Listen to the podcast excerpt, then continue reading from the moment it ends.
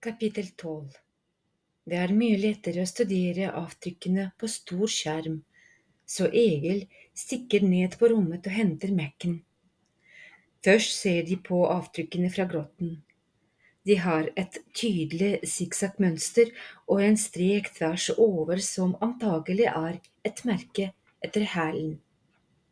Når de har studert lenge nok til at alle tre husker det ganske bra, henter Egil fram bildene fra kirkegården. Det ene avtrykket er tydelig annerledes, med et vagt, ruglete spor. Astrid kjenner igjen sånne sko som farmor bruker. Rå gummisåle kaller farmor det. Den har ikke dype spor, men sitter godt på snøen. Hun husker at dette sporet var det minste og kunne passe til en jente eller kvinne med ganske små føtter, sånn som Laila. Egentlig vet du jo ikke noe om skostørrelsen hennes, men hun er litt mistenkt ennå. Det andre er også interessant. Det er faktisk så interessant at både Emma og Egil snakker i munn på hverandre, og stadig høyere, sånn at Astrid må be dem dempe seg. Nå ville det være krise å bli oppdaget. De bøyer seg over skjermen, alle tre, og gransker sålen som har stått, og gransker sålen som har satt spor i snøen.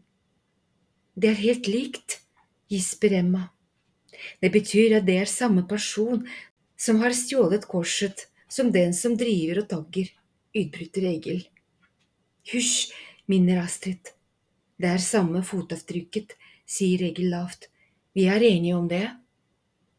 Det heter fottøyavtrykk, sier Astrid. Fottøyavtrykk, det er en fin teori, svarer hun etter en stund, men den er ikke bevist ennå. Jammen se da, sier de andre to nesten på likt. Det eneste bildene viser, er skotøyavtrykk med lik såle, sier hun. Jeg kan ikke si om det er samme størrelse, for vi har ikke noe linjal. Hun plukker opp julegaven fra Yusuf som ligger på gulvet ved siden av stolen, og blar opp på et bilde hun fant litt tidligere på dagen. Der er det et avtrykk som ble et bevis i saken, og ved siden av ligger en linjal som viser lengden på avtrykket. På den måten kunne politiet vise akkurat hvor stort det var. Klart det er det samme, protesterer Regel og vifter vekk boka med bildet. Det er for tilfeldig ellers. Og så vet vi ikke om det er samme støvel, fortsetter hun. Hvor vanlig er avtrykket?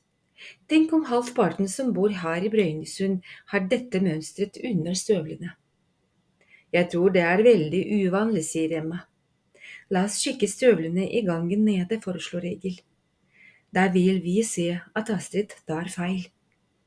De lister seg ned, midt mellom andre og første etasje knirker trappen noe helt skrekkelig, og Astrid er helt sikker på at alle hører at de kommer.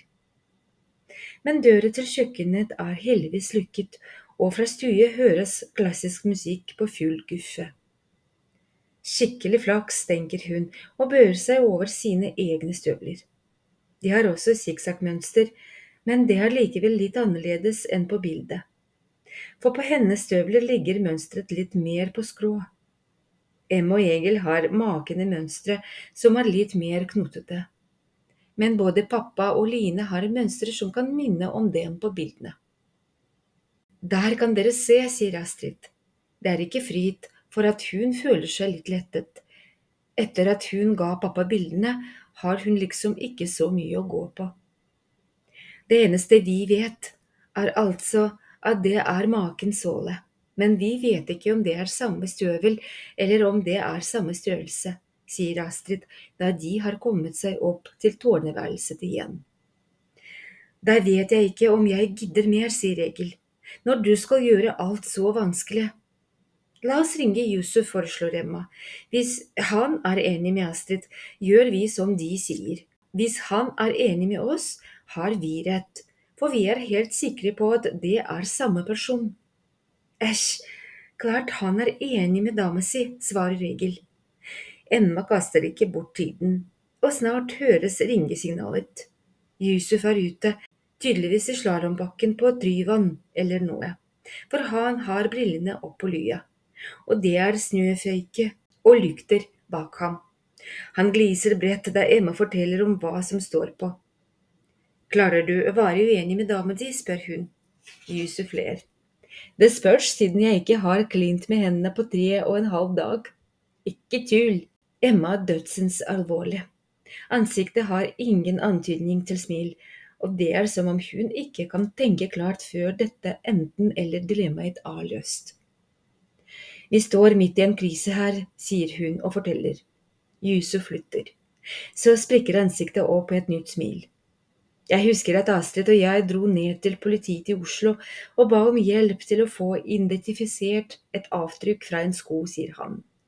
Faren til Astrid klarte å få oss helt opp på kontoret til en politikompis, og etter at vi hadde sittet hos ham ganske lenge, og vi var på vei ned til heisen, viste det seg at jeg hadde fotografert mine egne avtrykk.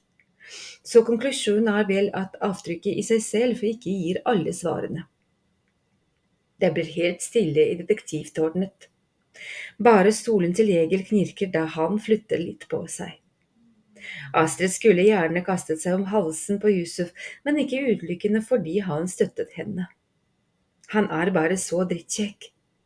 Det føles som om brystet skal sprenges.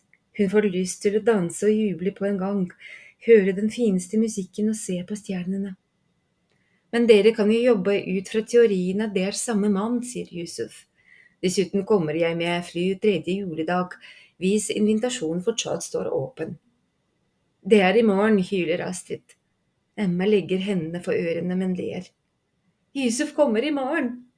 Enda Yusuf er borte fra skjermen, og enda det er mindre enn 24 timer til han kommer, er det som om han fortsatt er der.